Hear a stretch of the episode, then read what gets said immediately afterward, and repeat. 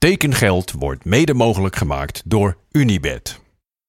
Welkom bij aflevering 2 van de recap van All or Nothing, de Arsenal-editie. Ik heb vandaag aflevering 2 gekeken en dat viel niet tegen. Ik heb tijdens de eerste aflevering heel veel reacties gehad. De meeste waren boze Arsenal-supporters en dat kan ik goed begrijpen. Uh, omdat het natuurlijk niet leuk is om mij negatief of cynisch over jouw club te horen spreken. Ik heb uh, geopperd van al die mensen, want het is best een grote groep. Er zijn zelfs WhatsApp-groepen, heb ik, uh, ben ik achtergekomen. Dus er zijn heel veel Nederlandse Arsenal-supporters. Ondanks de woede die er heerst, heeft niemand mij benaderd naar aanleiding van aflevering 1 om te zeggen, nou, ik wil het vanuit mijn perspectief belichten. Dus ja, als jullie boos zijn, uh, maar voor de rest geen eigen inbreng hebben, dan ja, kan ik er ook verder niks aan doen. Maar aflevering 2, ik kan nu alvast verklappen, heeft mij op een andere manier geraakt. De tweede aflevering begint rondom de wedstrijddag tegen Burnley. Maar het gaat dan al meteen over de over acht dagen op het programma staande North London Derby. Arsenal wint 0-1 uit bij Burnley via een fantastische vrije trap van Martin Odegaard. En de stemming zit er goed in. Wat ook meteen goed duidelijk wordt, is hoe ja, voetbal is opportunisme, maar in Engeland kunnen ze er echt wat van. Want we hebben natuurlijk in de eerste aflevering drie wedstrijden gezien, uh, vier wedstrijden gezien. De eerste drie werden verloren en toen werd er gewonnen. En dan is de conclusie al dat hij natuurlijk onder vuur ligt en dat het verschrikkelijk is. En ik snap het, uh, dat, dat, zo gaat dat nou eenmaal. Maar er worden hele heftige uh, conclusies aan verbonden. Zo ook na de tweede overwinning op rij tegen Burnley. Dan heeft Arsenal ineens het momentum te pakken en dan wordt er gedaan alsof ze ineens de, de titelkandidaten gaan uitnodigen. Het is echt ongelooflijk dat eigenlijk meteen na een wedstrijd en zo vroeg in het seizoen continu door de, door de mediastemmen die erin gemonteerd zijn, de commentatoren, de mensen langs het veld, zulke heftige conclusies verbinden. En ja, wat zegt dat nou? Je bent vijf wedstrijden onderweg, je hebt er twee gewonnen, uh, je hebt er twee gewonnen en drie verloren. Daarna gaan we in de aflevering leven naar de Noord-London Derby. We krijgen uh, Aubameyang bij zijn kapper, uh, die een sterretje in zijn haar laat scheren. En dan dacht ik, die kapper was bezig met het sterretje en toen dacht ik, ja...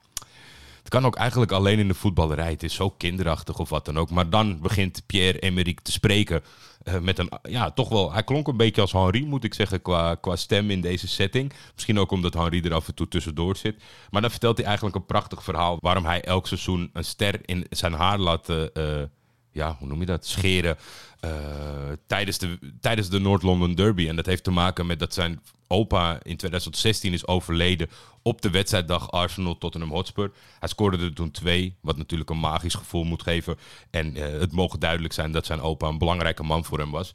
En dan ineens is ook dat, dat, cynisme bij mij is dan, maakt dan ook meteen plek voor bewondering. Want ik vond het eigenlijk een heel mooi verhaal, wat ik niet wist. Dan krijgen we wat mij betreft iets leuks te zien. Uh, hoe Arteta zijn ploeg probeert voor te bereiden en dingen probeert bij te brengen. Hij laat twee opstellingen zien met allemaal nummers.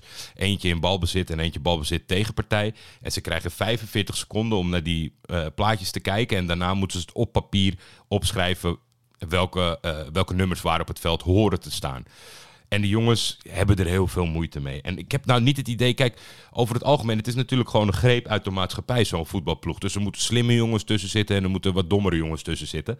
Eigenlijk lukt het niemand om die uh, opstelling neer te zetten. Maar het pijnlijke is dat die opstelling, dat zijn zij zelf. Dus maar eigenlijk hadden ze niet eens naar het plaatje moeten kijken wat dat betreft. Want ze konden gewoon in hun hoofd uh, bedenken wie staat nou waar eigenlijk normaal in welke situatie. In balbezit zijn ze veel beter. Dat geeft Saka ook aan. Ja, maar dat komt omdat daar trainen we veel meer op. Dus dat blijft hangen.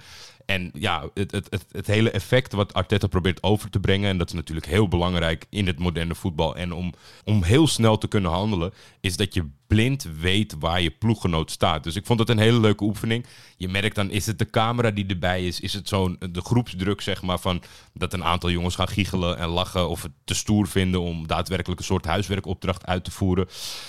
Uh, het, is, het is jammer dat ze, dat ze niet serieuzer erop ingaan. Want dit was wel echt voor het eerst dat ik dacht... Uh, er zijn natuurlijk een aantal voorbeelden geweest in de teasers en de trailers... dat ik dacht van, oh jeetje, wat een amateurniveau zeg maar. En, en amateurpsychologie. Met deze vond ik echt, uh, echt strak, echt goed bedacht van Arteta. Het is jammer dat het dan, zeg maar, ja... niet helemaal serieus wordt opgepakt door de jongens. Maar misschien zonder de camera's wel. En ik denk, als je dat kan aanleren bij de ploeg... ja, daar heb je zoveel aan op het veld.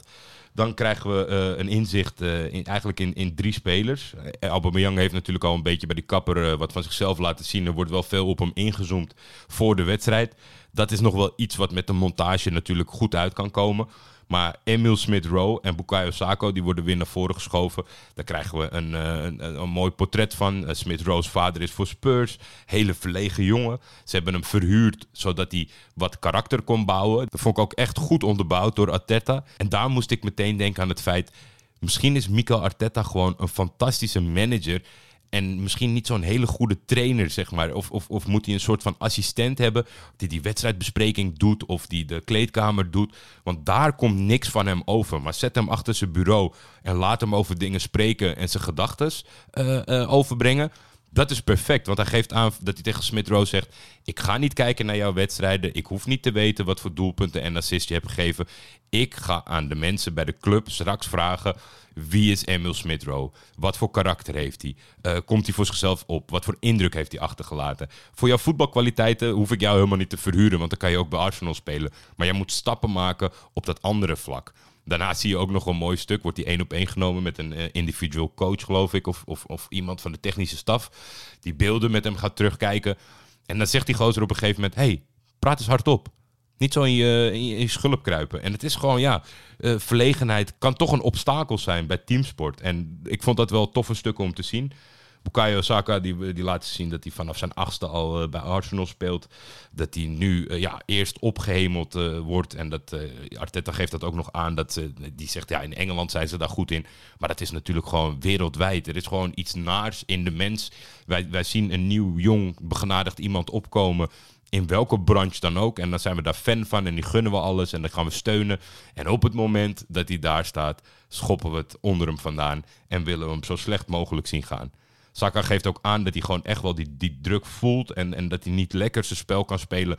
Omdat het in zijn hoofd zit. Als hij dan terug gaat beschouwen op toen het wel goed ging.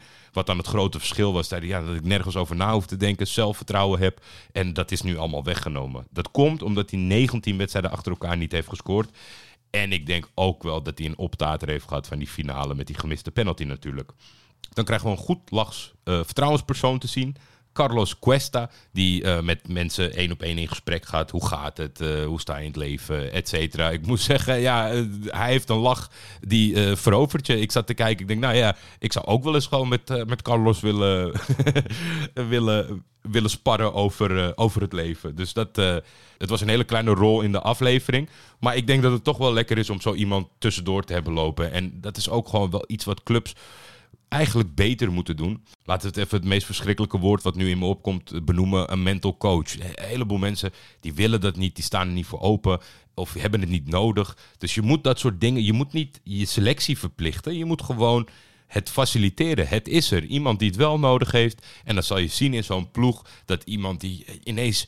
Uh, weet je, als die Smith Rowe helemaal uit zijn schulp kruipt. en uh, zelfvertrouwen heeft. en lekker gaat voetballen. dan zijn er andere jongens in die kleedkamer. die het eigenlijk stiekem ja, te gênant vinden om zoiets te doen. die dan ook wel eens die kamer in gaan lopen. Alleen je moet het ze niet verplichten. Dit kwam echt wel heel vrijblijvend over. Dus dat zag er goed uit. Nou, krijgen we een cut zien naar uh, wat locals die het sentiment moeten overbrengen dat is misschien heel lastig voor de documentairemakers om mij daarin te overtuigen. Als iemand die heel veel van de cliché derbies heeft gezien, zeg maar Gala Venner, Rangers Celtic, Boca River. Ja, dat, voor, dat, voor mij heeft deze wedstrijd dat allemaal niet. Ik snap wel dat het voor de, betrokken, de twee betrokken clubs de wedstrijd van het jaar is. En dat is misschien ook wel een soort van pijnlijke downgrade. Omdat ongeacht zeg maar, de rivaliteit het lekkerste is als je bij elkaar in dezelfde stad zit. Maar ja, in de oude tijd op een gegeven moment ben je te goed. En de Invincibles, ja, die hadden toch wel meer rivaliteit met United dan met Spurs op een gegeven moment. Maar ik vind het wel mooi, ook altijd in, in korte filmpjes. En dan is het meestal met de knipoog of om lullig te doen over de Spurs. Men ziet het wel zo. Als je dan vraagt, je hebt dat filmpje volgens mij, zo'n Insta-reel, dat uh, Gary Neville vraagt aan Frank Lampard, wat was je favoriete derby? En dan zegt hij, want ze zien het wel als derby, dus dan zegt hij Spurs, want daar wonnen we altijd van. En dan gaat Gary Neville lachen, ja wij ook. Maar voor mijn gevoel, ja, omdat Spurs toch nooit in de prijzen valt, uh, hebben ze mazzel dat ze worden meegenomen wel in deze afweging dat ze, een, dat ze een rivaal concurrent zijn. Want eigenlijk, voor mij zou dat helemaal niet zo zijn. Ja, je moet toch af en toe ook wat winnen of boven iemand eindigen om uh, die rivaliteit uh, bestaansrechten geeft. River Boca was nooit iets geworden als een van de twee niet ooit wat had gewonnen. Kijk, tussentijds afglijden, dat kan altijd. Galatasaray vorig jaar tegen degradatie gestreden. Volgens mij is River een keer gedegradeerd of bijna gedegradeerd. In ieder geval voor Gallardo ging het echt mega slecht. Dat maakt niet uit, want dat sentiment dat hou je wel vast. Het komt ergens vandaan en dat is gewoon prijzenkasten. Nou ja, oké, eh, ik, ik, ik eh, dwaal af. Terug naar de aflevering. En dan gaat het toch vlak voor het einde van deze aflevering helemaal mis. Want jullie hebben me net allemaal lovende dingen horen zeggen. En dan komt de Arteta-speech. Ik kan er ook niks aan doen. Dat, uh, jammer dat hij in deze aflevering zat. Ik hoopte het echt niet, want het zou bijna een hele leuke aflevering zijn geweest. En dan krijgen we de hart- en hersentekening. Die hand in hand staan met supporter erachter. Uh, ik moet zeggen dat uh, de kleedkamer, die, die, die schiet niet in de lach. Wat, wat, wat, net, wat ik netjes vind. Want ja, het is natuurlijk allemaal wel een beetje ludiek. Er zijn twee speechmomenten. Eentje ruim een uur voor de wedstrijd. En dan nog eentje kort voor de aftrap. Dit was de eerste. Uh, er is veel over getweet en gezegd en gelachen. Dus ik ga daar verder niet op in. Ja, het is gewoon een heel lullig shot. Je ziet daar een serieuze trainer. Die staat naast een lachend hart en een lachend brein. Die hand in hand staan. Ja, echt, meer hoef ik er denk ik niet over te zeggen. Dan vlak voor de wedstrijd krijgt de cameraman uh, krijgt, uh, de kans om, om uh, zijn woordje te doen. Want Arteta zegt, ik ga het vandaag even aan hem overlaten. Hij kan jullie vertellen waarom deze wedstrijd belangrijk is. Vond ik uiteindelijk een mooie optie. Ik hoop niet dat straks nog de materiaalman en dat soort, daar ben ik een beetje huiverig voor bij Arteta. Dat hij, dat hij te vaak te zwaar inzet. Maar deze man die 30 jaar bij de club werkte, die met de tranen in zijn ogen voordat hij zijn eerste woord heeft gesproken. Ik vind het wel mooi. En dan ja, iets wat ik zei, je kan het achteraf natuurlijk een beetje zo monteren.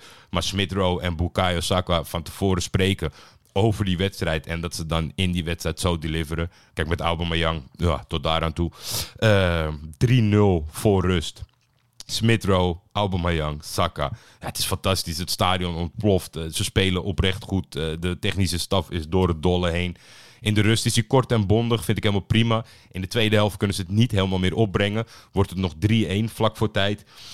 En wat ik dan toch nog wel uh, een teleurstelling vind. Misschien nog wel een grotere teleurstelling dan die flip over, omdat ja, die had ik natuurlijk al gezien.